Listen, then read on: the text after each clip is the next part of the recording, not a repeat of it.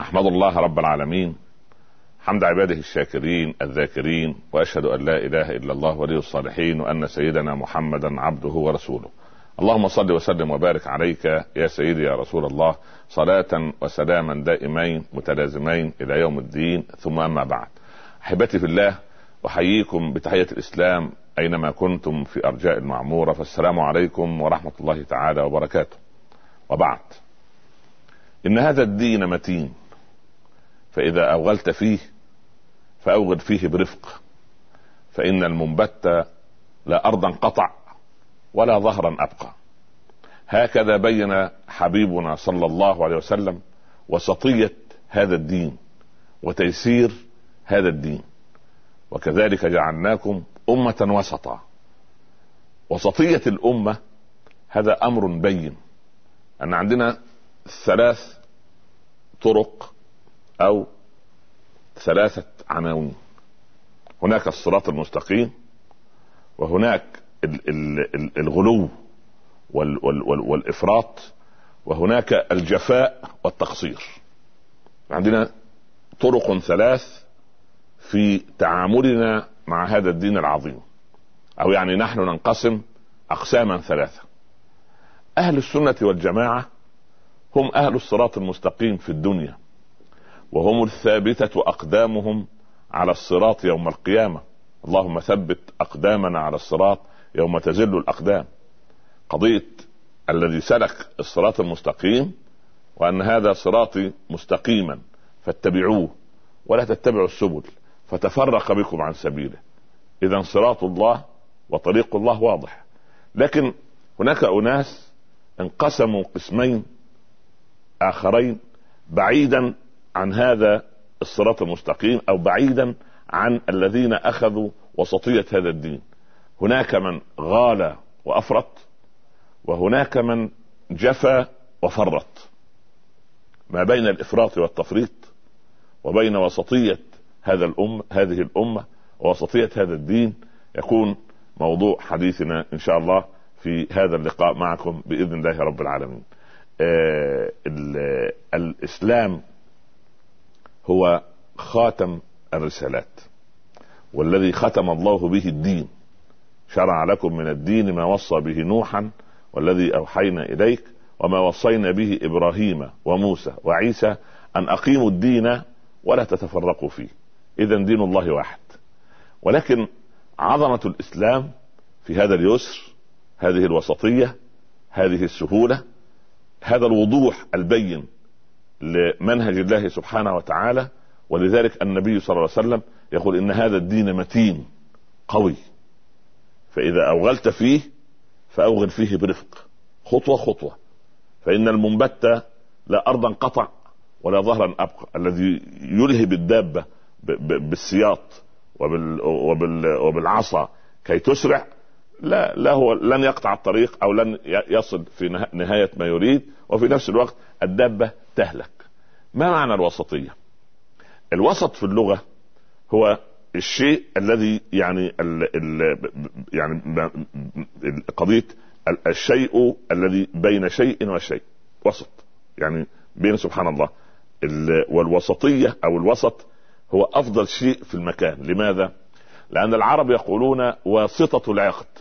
يعني المرأة عندما تتزين بعقدها سبحان الله وسط العقد في قطعة من الجوهر. هذه تسمى واسطة العقد. يعني هي أغلى شيء في الع... يعني ثمن العقد كله سبحان الله تتركز في يعني هذه ال... ال...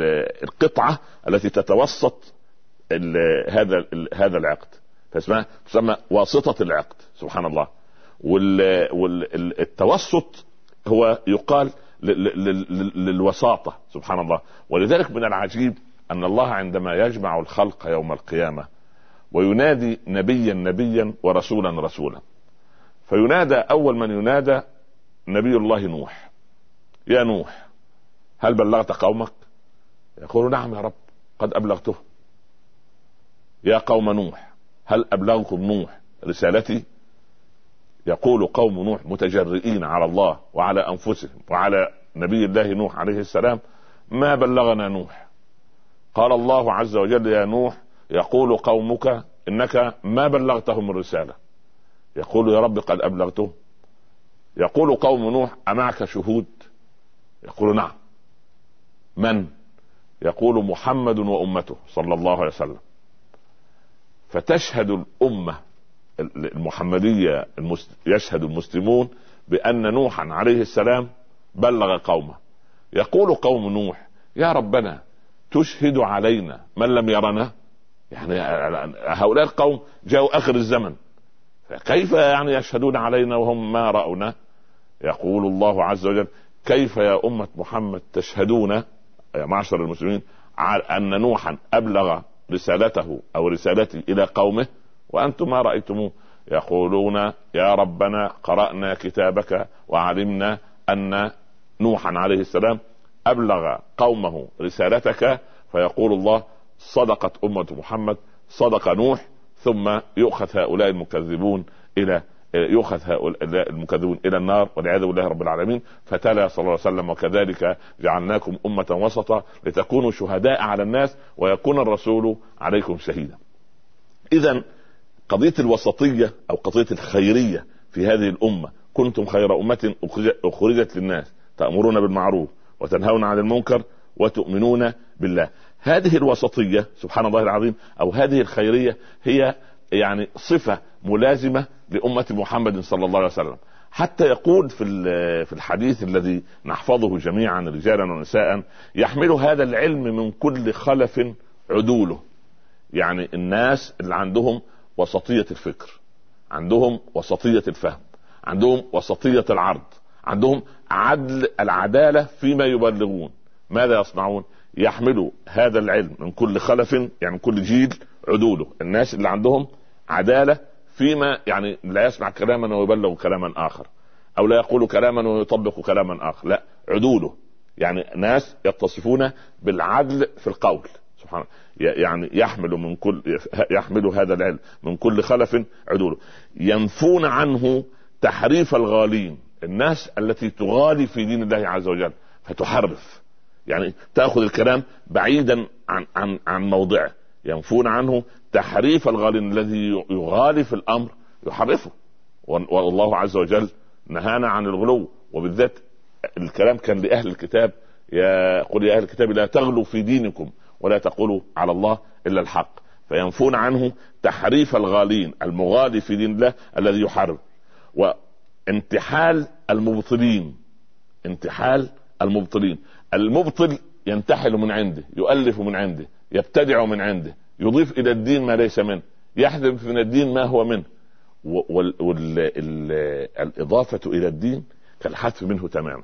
ينفون عنه انتحال المبطل تحريف الغالين وانتحال المبطلين وتأويل الجاهلين. أحيانا الجاهل يجلس ليؤول ويفسر ويحل ويحرم مع أن الإنسان يجب عليه أن يتقي الله رب العالمين نضر الله وجه امرئ سمع منا مقالة فوعاها فبلغها كما سمعها فرب حامل فقه ليس بفقيه ورب حامل فقه إلى من هو أفقه منه فنسأل الله أن يفقهنا في ديننا وأن يجعلنا عدولا في نقل هذا الكلام إلى الناس من كتاب وسنة.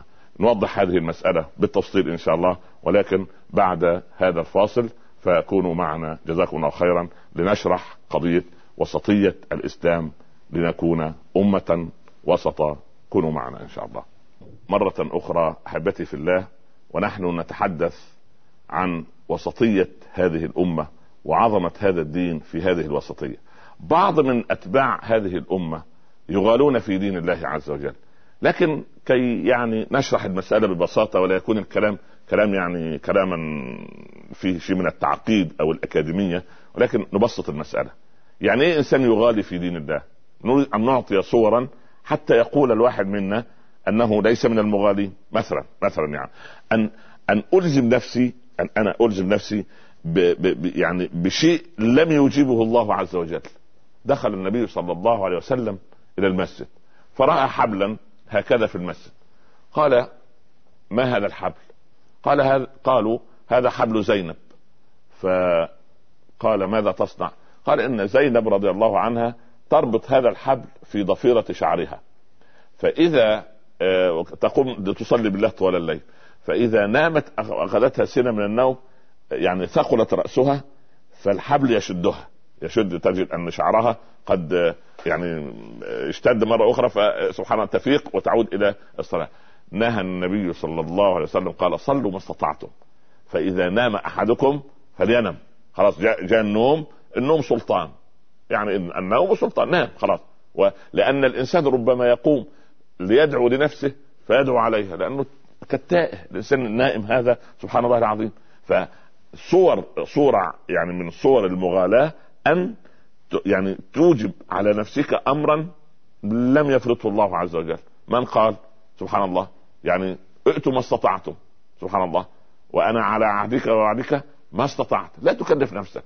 وذلك كثير من الناس عند الورطة عند الأزمة يقول مثلا ولده مرض مرضا شديدا أو زوجته دخلت في غرفة العمل مثلا أو حبيب له أب أم كذا.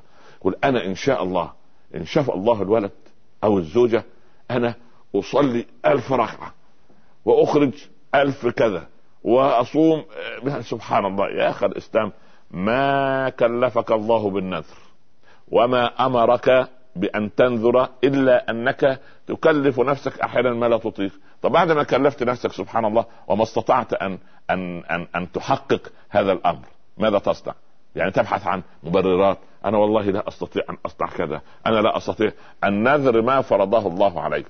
ولكن أنت تفرضه على نفسك. فإذا فرضته على نفسك صار فرضا واجب التأدية. يجب أن تؤديه. وهذه قضية إيه؟ ان أن تكلف نفسك فوق الطاقة. يا أخي إن إياكم وجهد البلاء. قال وما جهد البلاء يا رسول الله؟ قال أن يحمل الإنسان أو المسلم نفسه ما لا يطيق. لماذا أخي الإسلام تحمل نفسك ما لا تطيق؟ بالعكس ائتوا ما استطعتم ما, ما تستطيع. يعني أنت على يقظة قم صلي. غلبك النوم قم فنام. واسترح فإن لجسدك عليك حقا. هذا هذه صورة من صور المغالاه في الدين أيضا ان تحرم الطيبات. كل من يعني يعني سبحان الله العظيم ان ان يعني الانسان لا ابدا لا يحرم على نفسه طيبات أحل الله سبحانه وتعالى له. ولذلك أن الثلاثة الذين زاروا بيت رسول الله صلى الله عليه وسلم أو بيوت رسول الله صلى الله عليه وسلم وسألوا عن عبادته فكأنهم تقالوها قالوا يعني الله هذا هذا يعني معقول الرسول يعني كانت أمنا عائشة تقول الرسول كان يصوم حتى نقول لا يفطر ويقوم حتى نقول لا ينام ويفطر حتى نقول لا يصوم وينام حتى وهكذا. يعني يعني المسألة بهذا المنطق وضع لنا منهجا صلى الله عليه وسلم. فرجع هؤلاء وقال أحدهم أنا والله لن يعني إن شاء الله لن أنام الليل يعني أنا أجعل الليل كله قيام لله. وقال الثاني وأنا أصوم الدهر يعني أجعل رمضان 12 شهرا أو 12 شهرا. والثالث يقول وأنا اعتزل النساء ولا أتزوج. فلما بلغ النبي صلى الله عليه وسلم هل سكت؟ صعد المنبر وقال بلغني كذا وكذا أما إني أنام وأقوم وأصوم وأفطر وأتزوج النساء. فمن هذه سنتي فمن رغب عن سنتي فليس مني. اذا اذا لا داعي لهذه المغالاة. والإنسان لا يكلف نفسه ما لا يطيق. هذا أمر أو صورة من صور المغالاة في دين الله عز وجل. أيضا هناك عندك صورة أخرى. أن نغالي في الحكم على الناس. بعض الناس أيها الإخوة المشاهدين والمشاهدات ينصب نفسه أن يوزع الأدوار. هذا من أهل الجنة هذا من أهل النار هذا فاسق هذا مبتدع هذا آه، مشرك هذا مرائي. يا أخي الإسلام أنت ما بعثت حكما على الناس. دع الناس لرب الناس. وأنت تحكم على الناس بظواهرهم. حتى وإن حكمت فما حك فما حكمك أحد. يعني ما, ما إنسان ما كلفك إنسان أن تجلس تحكم بين الناس تقول هذا كذا وهذا كذا. هذه صور من صور الغلو في دين الله عز وجل. ما إلى ما يؤدي الغلو؟ الغلو يؤدي أيضا إلى التفريط أن تفرط. يعني سبحان الله العظيم ولا تطع من أغفلنا قلبه عن ذكرنا واتبع هواه وكان أمره فرطا. التفريط التضييع تضيع. يعني حتى باللهجة العامية يقولون هذه يعني حبات آه، فرط من العنب. لما لما تنثر الحبات بعيدا أو تأخذها بعيدا عن عناقيدها فأصبحت فرطا أصبحت مبعثرة. فكأن أمر الإنسان الذي يفرط أمره صار مبعثرا. صار صار إيه؟ بقى يضيع ويقصر. وهذه صورة أخرى من صور البعد عن وسطية الإسلام والبعد عن سهولة هذا الدين. هذا دين سهل دين ميسور. نحن الذين نعقد المسألة. فانت عندك سبحان الله تفريط وتضييع. يعني ربنا يقول توفته رسلنا وهم لا يفرطون أي لا يضيعون. في الوقت المناسب ينزل ملك الموت على روح العبد ليأخذها. هذا سبحان الله. فإذا العبد لما يفرط يظهر منه الجفاء. يجفو. ما هو الجفاء؟ الجفاء سبحان الله العظيم يعني يعني خلاف البر. والجفاء في اللغة العربية ما نفاه السيل. يعني السيل لما يجي فأما الزبد فيذهب جفاء يذهب جفاء. يعني لا لا قيمة له. عمله لا قيمة لأنه ليس مبنيا على حقائق. عمل غير مبني على حقائق علمية غير مبني على كتاب وسنة. عمل سبحان الله ألفه هو من من عنده. ظنا منه يعني بعض الناس للأسف الشديد تتجرأ وتقول مثلا يعني والله يعني وهذا غير جائز طبعا. يقول الله سبحانه وتعالى مهندس الكون. لا هذا هذا لا يجوز. هذا لا يجوز. الكلام عن الذات العلية يجب أن يكون من الكتاب والسنة. ولا تؤلف أنت من عندك. لا تصنع أنت من عندك ألفاظا تصف بها الذات العلية سبحانه وتعالى. وإنما أنت ارتبط بما قاله الله عز وجل. طيب بعض الناس قد يسألون طب إيه الفرق بين التفر أو أعطينا أمثلة للتفريط وللجفاء كيف أكون مفرط؟ وكيف أكون جافي؟ التفريط صور مثلا يعني أن أن أؤجل عمل اليوم إلى الغد. هذه صورة من صور التفريط. أن تفرط أن تؤجل عمل اليوم إلى الغد. أنت مكلف أن تعمل هذا. للأسف الشديد التسويف هذا حتى في التوبة. لماذا لم تتب يا فلان؟ إن شاء الله رب العالمين نتوب غدا. نصلي من أول الجمعة. نصلي من أول الشهر العربي. نصلي إن شاء الله بعد الحج. لماذا لم تتحجبي يا فلانة؟ إن شاء الله بعد الزواج بعد أن أنجب الولد الأول بعد أن أؤدي مناسك الحج هذا هذا تسويف هذه مصيبة هذا هذا تفريط يضيع الإنسان. فمن الذي يضمن سبحان الله ان ان ان, أن يوقف الزمن أو أن يمنع ملك أن يمنع ملك الموت؟ هذه قضية خطيرة. فدي صورة من صور التفريط. أن يهمل الإنسان تربية أولاده. هذه صورة أخرى سيئة من التفريط. أن تفرط في تربية الأولاد ليس اليتيم الذي مات والداه وخلفاه في هم الحياة ذليلة.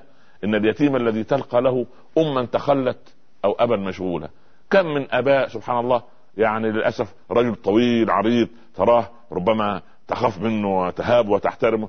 ترك بيته وترك أهله وترك أسرته وما أنفق على أولاده الولد يطالبه بنفقة بمصاريف المدرسة أو أو لباس معين أو طعام معين أو البنت تطالبه أن يساعدها في تجهيز كذا أو كذا ولا كان في مسؤولية. ما كأنه ما قرأ عن النبي صلى الله عليه وسلم كلكم راع وكلكم مسؤول عن رعيته فالرجل في بيته راع ومسؤول عن رعيته والمرأة في في بيت زوجها راعية ومسؤولة عن رعيتها والولد في مال أبيه راع ومسؤول عن رعيته ألا كلكم راع وكلكم مسؤول عن رعيته؟ هذا كلام الحبيب صلى الله عليه وسلم. هذه وسطية الأمة العظيمة مسألة الجميع كل واحد في في مسؤولياته. أم, أم نضيع من يعني أسوأ العباد عند الله من يضيع من يعول. لأنهم في رقبته يتعلقون في رقبته يوم القيامة. لما ضيعتنا؟ سبحان الله. أيضا من ضمن التفريط أن أترك الأخذ بالأسباب. في أسباب معينة. مرض فلان يبقى يذهب إلى الطبيب النطاسي الحكيم الحاذق الفطن ومشهور ومعروف بالكفاءة ثم يعطيه الدواء يأخذ كلام ولا يتفلسف ولا يدخل نفسه في متاهة ولا يدخل نفسه في في في وصفات معينة أو أوصاف معينة للأدوية. ما أنزل الله من سلطان يذهب إلى إيه؟ يعني يعني اسألوا أهل الذكر. فاسألوا أهل الذكر إن كنتم لا تعلمون. فالطبيب هو أهل ذكر في في هذه المسألة. اذا قضية الأخذ بالأسباب. الطالب يذاكر الموظف يتقي الله وينهي أعمال الجمهور. المدير المؤسسة يراعي الجميع بأنه أب لهم وانه وأنه أخ أكبر. فبالتالي المسألة تبقى المسؤولية موزعة. لكي لا يكون مفرطا أو لا يكون مضيعا. أيضا من ضمن التفريط أن أرى المنكر أمامي ولا أنكره بس ولكن بشروط بشروط. أن أكون كما قلنا من قبل عالما بما آمر عالما بما أنهى. رفيقا فيما آمر رفيقا فيما أنهى عاملا بما أمرت عاملا بما أنهى. يعني يعني القضية مش يقول الرجل لابنه يا بني أن هذا التدخين خطر على صحتك وهذه الأمور سبحان الله ويدخن الأب امامه اعلم أن الولد يعني للأسف الشديد لن يسمع كلمة لك لأنك قدوة سيئة تنهاه عن أمر وتأتي أنت هذا الأمر. لا تنهى عن خلق وتأتي مثله. عار عليك إذا فعلت عظيم تصف الدواء لذي السقام وضدنا كيما يصح به وأنت سقيم ابدأ بنفسك فانهها عن غيها فإذا انتهت حقا فأنت حكيم. أيضا من ضمن التفريط أن أسمع المؤذن يؤذن وأنا جالس آه، أمام الشاشة جالس أمام ال ال ال يعني يضيع وقتي هباء منثورا ليس عندي يستثنى طبعا المراقب الجوي الذي يراقب حركة الطيران يستثنى الجراح الذي آه، يعني يؤدي عملية جراحية خطيرة. هذه تستثنى. أما غير ذلك حي على الصلاة حي على الفلاح هلم أقبل تعالى وينادي المنادي من قبل العرش. أيها الناس قوموا إلى نيرانكم التي أشعلتموها على أنفسكم فأطفئوها بالصلاة. إذا هذه الصور صور يعني من إيه؟ من التفريط. أما الجفاء عقوق الوالدين صورة سيئة من صور الجفاء. والبار بوالديه مفتحة له أبواب الجنة والعاق الوالديه مهما يصنع من أعمال الخير لن يقبل سبحان الله. يعني أف لرجل أو امرأة أدرك أحد والديه أو كلاهما ولم يدخله الجنة. هذه مصيبة. أيضا من ضمن ال ال من ضمن الجفاء الغلظه في المعاملة. فيه ناس في التعامل والعياذ بالله رب العالمين عندهم عندهم جفاف تعامل. تصحر في القلب وفي وفي اللسان وفي الكلمات. إذا أخرج كلمة فهي جافة قاسية. لا تل لا تلقى قبولا عند الناس. مع أن كما يقول العلماء البر شيء هين وجه طلق ولسان لين. يعني أنت تكسب بلين اللسان ما لا تكسبه بغلظة اللسان. فالغلظة في المعاملة هذه صورة من صور الجفاء. لكن في أعمال تجمع بين التفريط والجفاء. أعمال تجمع بين التفريط والجفاء. أن عندما لا تقوم بحقوق العلماء تجد عالم فلا تحترمه لا تجله لا لا تنفذ كلامه. سبحان ليس منا من لم يوقر كبيرنا ويعطف على صغيرنا ويعرف لعالمنا حقه. اذا تجد أن ال ال ال هذا تفريط وجفاء. أنت أنت فرطت ضيعت وجفيت وجفوت. يعني دي فيها فيها إيه؟ فيها العملين. أيضا أن تقطع الرحم. لا تزور عمك إلا من العام. للعام لا تسأل عن خالق إلا من مرة في السنة سبحان الله. هذا تفريط وجفاء وجفاء سبحان الله. طيب ما الذي يعصمنا من التفريط ومن الجفاء؟ أمر واحد أن نسلك الصراط المستقيم. الصراط الذي قال فيه صلى الله عليه وسلم تركتكم على المحجة البيضاء ليلها كنهارها لا يزيغ عنها إلا هالك. لا إنسان سبحان الله يعني يريد أن يستقيم على طريق الله ليس له إلا صراط الله المستقيم. هذه وسطية الأمة. طيب هذه الوسطية لها صفات وصفات سبحان الله العظيم صفات جميلة. أول صفة في هذه الأمة هي صفة الخيرية. هكذا وصفها ربها. أنا لماذا أقول هذا الكلام كله؟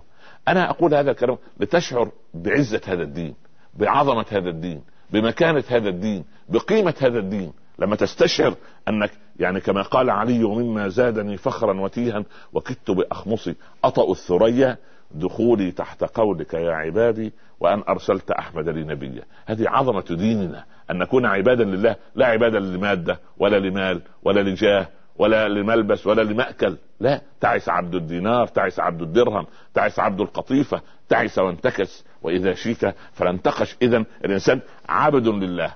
عبد ولذلك قال بعثنا عليكم عبادا لنا. عباد لله. خشع ركع سجد. أيادي متوضئة. قلوب طاهرة عمل مخلص لله سبحانه وتعالى. فأول صفة صفة الخيرية. لماذا قال رب العباد كنتم خير أمة؟ هذه الخيرية هي. كنتم خير أمة أخرجت الناس ما صفة الخيرية؟ أول شيء أنها تؤمن بالله تؤمنون بالله. ودي أعظم أعظم ما يصل الإنسان إليه أن يؤمن بالله إيمانا صادقا. والله لو آمنا بالله إيمانا صادقا ما يعني يعني يعني شبع الإنسان من ذكر الله ومن عبادة الله سبحانه. أن نحب رب العباد عز وجل. عندئذ لن نشبع أبدا من ذكر الله سبحانه وتعالى. ونشعر أن إحنا نتقلب في رحمة الله عز وجل. وبعدين السمة الجميلة الأخرى والصفة الجميلة الأخرى للأمة أنها تأمر بالمعروف. لا تأمر بمنكر أبدا. كيف بكم إذا لم تأمروا بالمعروف ولم تنهوا عن المنكر؟ قالوا أو ذلك كائن يا رسول الله؟ قال والذي أش... نفسي بيده أشد منه سوف يكون. كيف بكم إذا رأيتم المعروف منكرا والمنكر معروفا؟ قالوا أو ذلك كائن يا رسول قال كيف بكم إذا أمرتم بالمنكر ونهيتم عن المعروف؟ قالوا أو ذلك كائن يا رسول الله؟ قال حلف ربكم ليتيحن لكم فتنة تدع الحليم فيهم حيران. الحليم يصير حيران لأن بعض الناس يعني يجد مثلا مثلا يعني أنك توقظ الولد آه، مثلا آه، في صلاة الصبح. آه، خاله وعمه يا أخي أنت معقد يا أخي اترك الولد الولد عنده مذاكرة الله يعينه الولد نايم الساعة الثانية صباحا يا شيخ اتق الله أنت أنت إنسان معقد سبحان الله حجبت ابنتك. البنت يا أخي البنت زهرة جميلة صغيرة في الخامسه عشره من عمر. يا أخي اتق الله. إيه الغلو؟ إيه التطرف هذا؟ سبحان الله. وكأن الرجل ارتكب جرما. فيجد إن كل المحيطين به يعيبون عليه.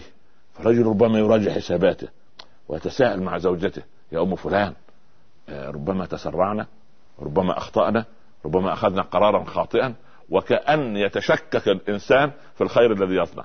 لكن نحن يجب أن نأمر بالمعروف ولكن على طريقة إيه؟ على خطوات الأمر بالمعروف. اولا هي أيضا هي خير الأمم. يعني الله ميزنا وقال كنتم خير أمة أخرجت للناس. هذه الخيريه يجب أن تظهر. ليس كلاما ليس كلاما. سبحان الله. هذه الأمة أيضا في خيراتها أنها أكثر الأنبياء اتباعا. يقول صلى الله عليه وسلم يأتي النبي يوم القيامة ومعه الرجل. ويأتي النبي ومعه الرجلان. ويأتي النبي وليس معه أحد. فأرى سوادا كثيرا فأقول هذه أمتي. يقول الله عز وجل كلا إنما هي أمة موسى.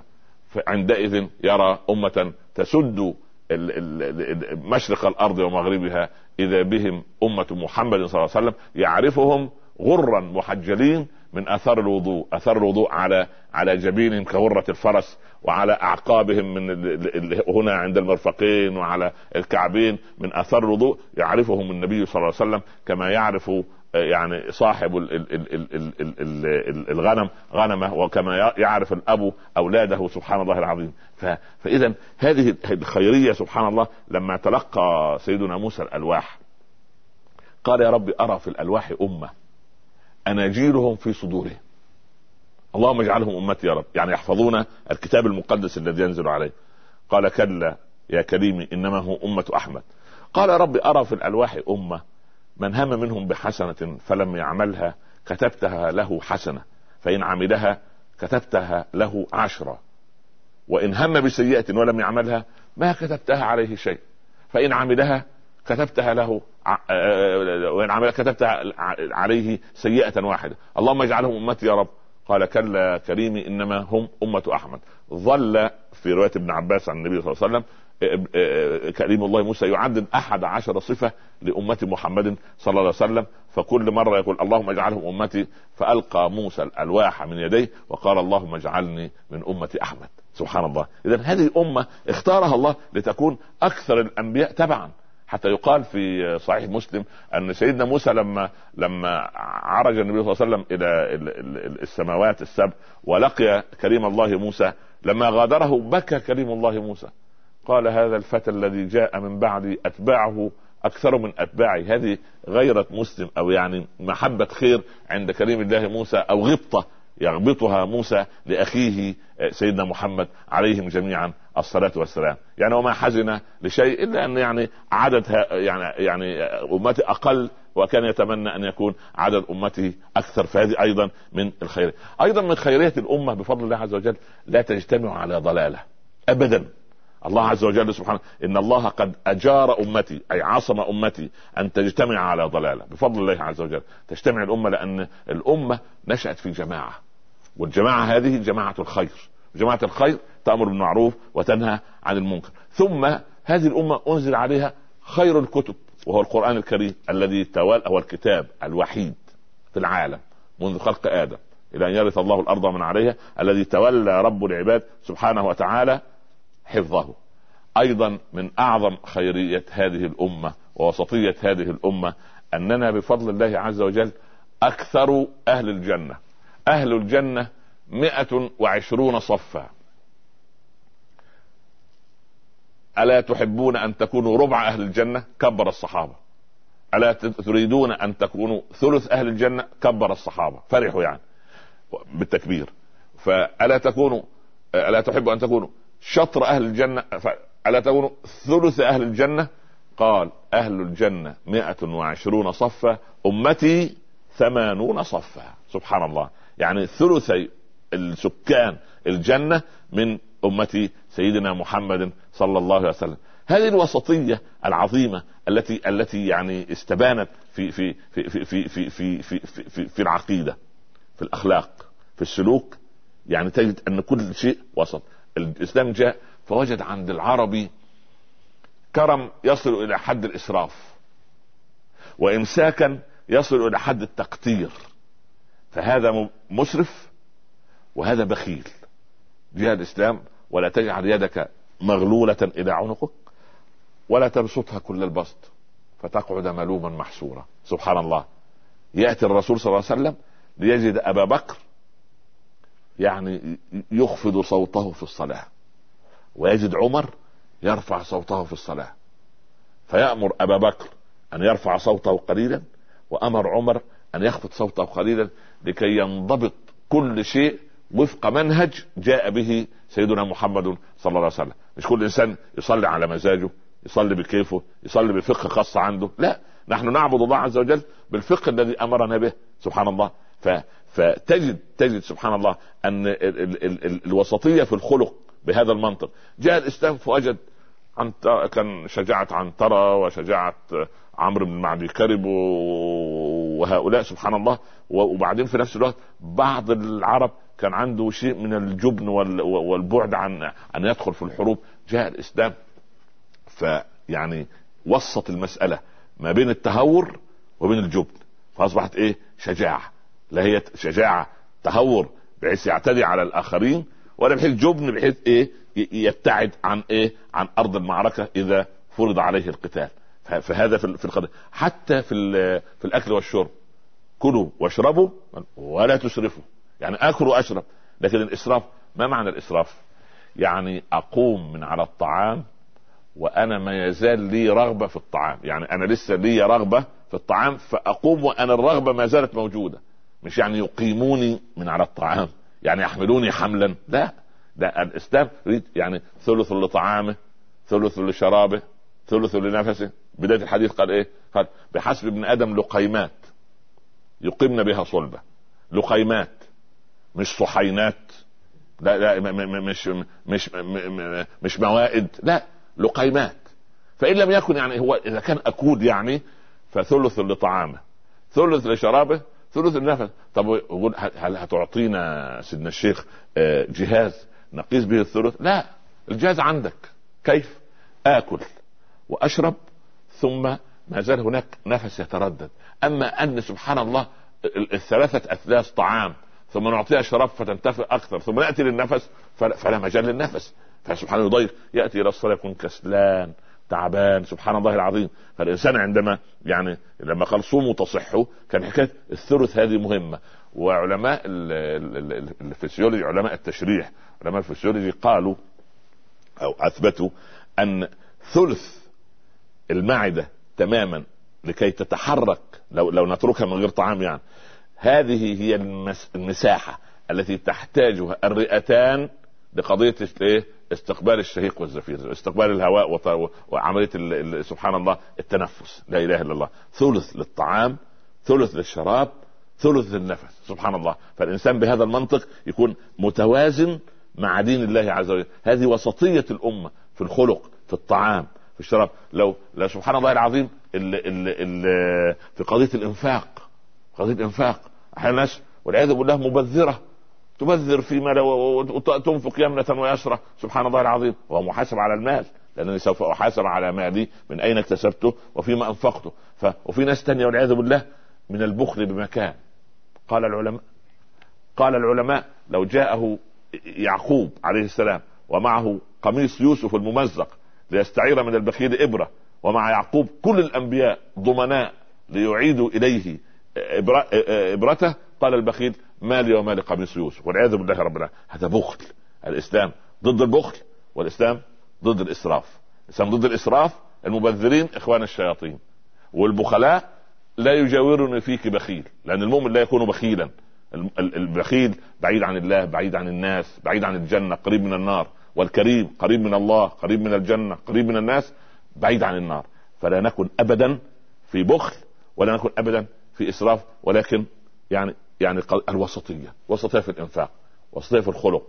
لا تغضب ولكن إذا غضبت اغضب لله ولكن بحدود ولا تكن بليدا متبلد الإحساس. ما فيش مشاعر. اللي اللي في الدنيا الدنيا تقوم وتقعد ويعني المهم يعني هذه لمحة سريعة من قضية الوسطية ولكن نكمل حديثنا إن شاء الله رب العالمين. ولكن بعد هذا الفاصل كونوا معنا. بارك الله فيكم. و يعني المسلم يعني أريد أن أقول يعني المسلم أريد أن أقول ان ان أن لابد لابد له من أن يوسط يوسط المسألة في كل أمر. يوسط أمره في كل يعني يجعل كل عمل له فيه إيه؟ في هذه الايه هذه الوساطة. حتى رايت يعني لم لا لا لا, يعني بهذا المنطق بهذا المنطق بهذا المنطق نرى أن المسلم يجب أن يكون واضح المعالم في وسطيته بعيدا عن المجافاة وبعيدا عن التفريط. لا إفراط ولا تفريط أمة وسط هذه أمتنا والله أعلم. نبقى معكم بعد الفاصل إن شاء الله. كونوا معنا. مرحبا بكم أحبتي في الله مرة أخرى. ونبدأ إن شاء الله في تلقي مكالماتكم عن الوسطية وكذلك جعلناكم أمة وسطا. فأرجو أن تكون الأسئلة في هذا الموضوع لأنه موضوع مهم. هذه سمة الأمة الوسطية التي فيها الخيرية والعدل واليسر ورفع الحرج والحكمة والاستقامة. هذه صفات لهذه الوسطية العظيمة التي اختارها الله سبحانه وتعالى لهذه الأمة. فأرجو أن تكون أسئلتكم في نفس الموضوع إن شاء الله. هو موضوع مهم وخطير وبعيدا عن الإفراط وبعيدا عن التفريط. فنتلقى أول سؤال إن شاء الله. في اتصال. السلام عليكم. وعليكم السلام ورحمة الله وبركاته. مرحبا. نحن نحبك بالله في جلالة أمريكا الجميع. أنا ام نائل من أمريكا. أهلا وسهلا. يشاهدك هنا. أهلا وسهلا. الله يبارك فيك. وفيكم يا رب إن شاء الله. مثلا حديث الرسول صلى الله عليه وسلم ستتفرق أمتي إلى 73 فرقة أيوة. كلهم بالنار شعبة. إلا أيوة. من كانت على سنتي. أيوه. ونعلم بعض الجماعة يقول إنه من موحد مثلا من يستقبل القبلة خلص هو في الجنة يعني. نعم نعم. وبغض النظر مثلا عن هو شيعي whatever يعني نعم، نعم، من نعم. القادريين من اي نعم وبعدين كمان سؤال شيخنا إنه نعم. مثلا أنت بتحكي عن الجفاء. وفيه هو قول ما بعرف إذا هو حديث للرسول عليه الصلاة والسلام إن القلوب لا تصدأ كما يصدأ الحديد نعم. وجلاؤها الاستغفار نعم نعم فهذا ن- آه، نقوله لأهل الجفاء know, نعم، نعم، بارك الله فيك. و- يعني و- قلوبهم وص- قاسية وصل السؤال بارك الله فيك وفيكم بارك على برنامجك الله يرضى عنكم ويبارك فيكم يا رب اولا يخليك. تفترق أمتي آه، يعني افترقت اليهود على واحد وسبعين فرقة وتفترق وافترقت النصارى على 72 فرقة وتفترق أمتي على 73 فرقة كلهم في النار إلا واحدة ما عليه أنا وصحابتي. هناك فرق بين الفرقة والجماعة. الجماعة دي تنظيم بشري طالما داخل إطار الكتاب والسنة فمرحبا بها. أما الفرقة اللي يعني تضع شيئا من عندها أو جماعة يضعون في دين الله ما ليس منه و... أو يحذفون من دين الله ما هو منه. أو ينكرون ما هو معلوم من الدين بالضرورة. ينكر يقول والله ما في شيء اسمه حجاب. قضية الصلاة مش قضية المهم بس أنت ركع النية ودام انت نيتك موصولة بالله ولا يهمك على توكل على الله. هذا كلام يعني كلام غير طبيعي. لكن ال ال ال هذا التفرق وهذا التشرذم دليل دليل على أن بعض الذين يفهمون أو لا يفهمون قضية الوسطية فيذهبون إما إلى الإفراط وإما إلى التفريط. هذه يعني هذه يعني هذا توضيح مهم. اتصال آخر تفضل. أيوه دكتور. نعم. آه آه محمد شوشة من سويسرا يا أهلا وسهلا أهلا بك مرحبا مرحبا بك. أهلا أهلا الله يرضى عليك. وحياتك يا دكتور بس في في في الوسطية.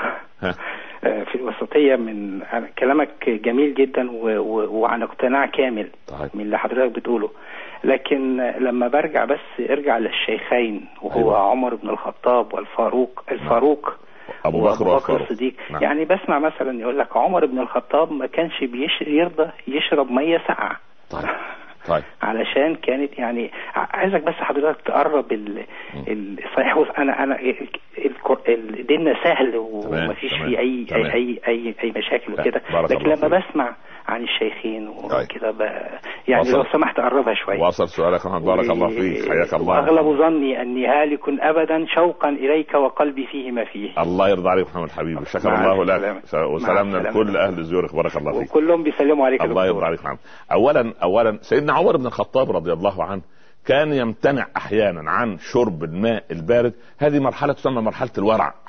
يعني واحد ده لا علاقة لها لا بالحلال ولا بالحرام ولكن هو ألزم نفسه أن يترك شيئا لله. يترك مساحة يربي فيها نفسه يقوم فيها قلبه يزيد جرعة الإيمان التي عنده. هذه درجة عالية. نحن ما كلفنا بها ليست امرا. ولكن هذا من عند عمر. عمر يرى رضي الله عنه أن بهذا يقترب من الله أكثر. هذه سبحان الله يعني يعني حتى لو رأينا العشرة المبشرين بالجنة نجد فيهم الملياردير ونجد فيهم الفقير المعوز وتجد الصحابة أيضا تجد في والتابعين وتابعي التابعين وعلى مر التاريخ حتى في طائفة العلماء والفقهاء تجد رجلا ثريا كأبي حنيفة.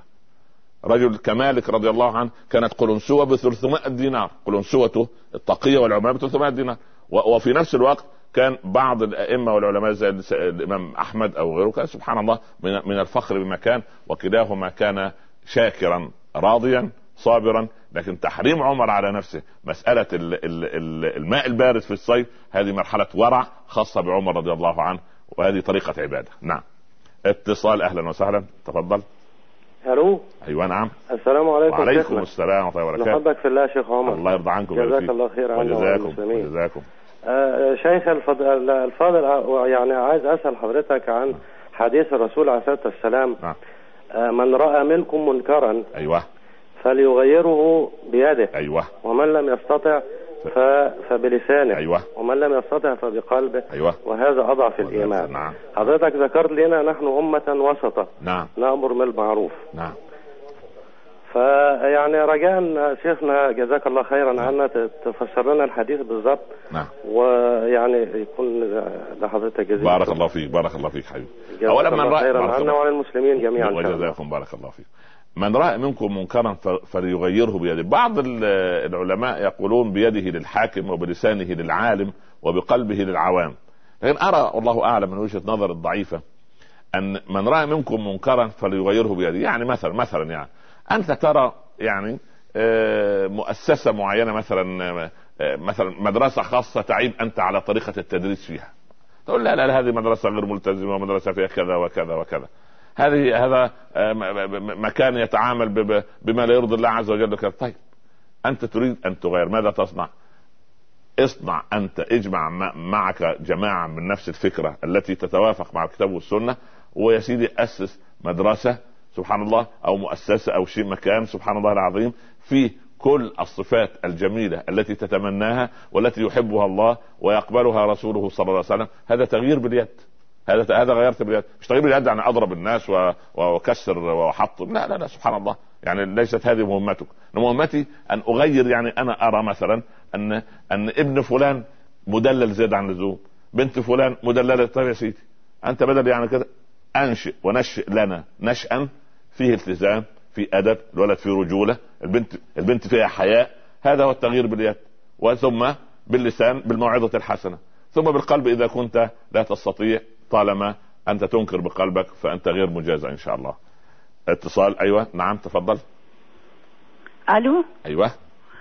السلام عليكم سيدي الشيخ. وعليكم السلام ورحمة الله وبركاته. أسأل حضرتك نعم. في سورة النور أيوه. واللاتي لا يرجون نكاحا يدنين من جلابيبهن. أيوه. نعم نعم. أليس هذا وسطا بالنسبة أن المتقدمات بالعمر؟ نعم. أليس هذا وسطا الله أكبر. للحجاب؟ الله أكبر. بارك الله الله يطول عمرك شكراً. ويخليك إنا ونشكرك على أدعيتك إنا الله يبارك الله يرضى عليك. ويبارك في عمرك. مرة. الله يرضى عنك يا رب. نعم. طبعا القواعد من النساء هن اللاتي يعني عرف العلماء قالوا إيه لا رغبة لها في الرجال ولا رغبة للرجال فيها. وإذا أخرجت يدها فنظر إليها ناظر لا يدري أيد رجل أم يد امرأة. يعني كبرت في السن بلغت من الكبر عتيه لكن فيه أعزكم الله عجوز متصابية في يعني عاملة روحها عندها عشرين سنة وهي عندها بلغت الثمانين وأصبغت وشدت وعملت وسبحان الله العظيم. في من هذا الحيزبونات الأمثال هذا يعني سبحان الله كثر سبحان الله عجوز بعدما شاب شعرها واحدودب الظهر ذهبت للعطار تبغي شبابها. وهل يصلح العطار ما أفسد الدهر؟ مش ممكن مش ممكن. ف لكن القواعد من النساء أمهاتنا الفاضلات وأخواتنا الكبار في السن ماذا؟ يعني ان ان أن يضعن يعني يخ... تخاف من الثياب غير متبرجات غير متبرجات بزينة. يعني ما ما ما, تتبرج بزينة ممكن لأنها قد انحنت فربما تدوس على ذيل جلبابها الطويل فربما تقصره ربما يعني يسبب لها مشكلة الخمار الواسع أو النقاب أو أو فربما تخفف منه هكذا لأنها صارت كبيرة السن وهذا حكم تيسير من الله. جزا الله خيرا الأخت السائلة. نعم. سؤال آخر؟ نعم. تفضل. السلام عليكم. وعليكم السلام ورحمة الله وبركاته. آه السلام عليكم يا شيخ مرحبا يا ابني تفضل الله يكرم حضرتك والله إحنا بنسأل بس هل ال- الوسطية في البعض بيتخذها دلوقتي سبيل م. إن يعني يقلل معنويات المسلمين م. ويقلل التزامهم بدينهم م. يعني يعني مثلا أنا زوجتي منقبة طيب بتبتدئ من النقاب طيب. دلوقتي من كتر الكلام اللي بتسمعه يعني. يعني عاوزه عاوزة يعني م. ترجع تاني تبقى مرتدية الحجاب نعم نعم النقطة تاني يعني لو أنا مسكت مثلا على رأي واحد من الأئمة أو واحد من المشايخ اللي بسمع لهم. إن مثلا حاجة بسيطة زي زكاة الفطر. لازم أن تخرج آه، صاع تمر أو, نعم نعم أو نعم رز نعم, أو نعم. حبوب هل هل أنا كده مغالي في الدين؟ طيب ولا لازم أن شكر كلام الله الناس؟ شكر آه. الله لك جزاك الله خيرا. اولا آه، أنا أنصح آه، هذه الأخت بنتنا الكريمة المنقبة ألا يعني كوني على نقابك يعني لا داعي لأن تتراجعي خطوة. خلاص خلاص. يعني لا داعي. يعني الشيطان يريد منك خطوات للخلف. يعني هذا كرم من الله عز وجل عليك لا تتراجعي. آه، مسألة أن واحد يسلك آه، مذهب معين آه، لعالم معين هو حر أن يأخذ بأي رأي من رأي الثقات من العلماء وهم كثر والحمد لله رب العالمين في أن يخرج الزكاة بهذا الشكل أو يخرجها مالا على خلاف أيضا. ليس هذا فيه مغالاة إن شاء الله. نعم. يعني ليست فيها مغالاه بإذن الله رب العالمين إن شاء الله. طيب سؤال آخر؟ أيوه. طيب طيب نك نك نكمله مش عارف. يعني يبدو آه إن شاء الله رب العالمين آه نحن قلنا عشان نجمل القضية آه أن وسطية الدين تتضح فعلا في خيريته في وجود العدل بيننا وبين الغير يعني سبحان نحكم نحكم علينا كما نحكم على أنفسنا. ولا يجرمنكم شنآن قوم على ألا تعدلوا. اعدلوا هو أقرب للتقوى. أيضا هذا الدين من ضمن فيه اليسر. من لم يستطع أن يصلي قائما فليصلي قاعدا. من لم يستطع فليصلي مضطجعا. من لم يستطع أن يتوضا يتيمم. فمن لم يستطع فلييممه أحد. المسألة فيها بساطة. ال- المريض آه، يعني عليه أن أن يفطر في رمضان الحامل والمرضع. سبحان الله العظيم. ال- ال- المسافر يقصر الصلاة. وفي أحكام أخرى القصر والجمع. اذا هذا كله يعني ال- اليسر ورفع الحرج. هذه سمة عامة في دين الله سمة عامة في دين الله عز وجل. ثم الحكمة لأنه من يؤتى الحكمة فقد أوتي خيرا كثيرا. ثم استقامة هذا الدين بحيث أن القرآن آخره يصدق أوله وأوله لا يكذب آخره. آه، أحبتي في الله يعني سعدنا بوجود بوجودنا معكم في هذه الحلقة عن أمة وسطا نلقاكم إن شاء الله الأسبوع القادم. جزاكم الله خيرا. وبارك الله فيكم جميعا. والسلام عليكم ورحمة الله تعالى وبركاته.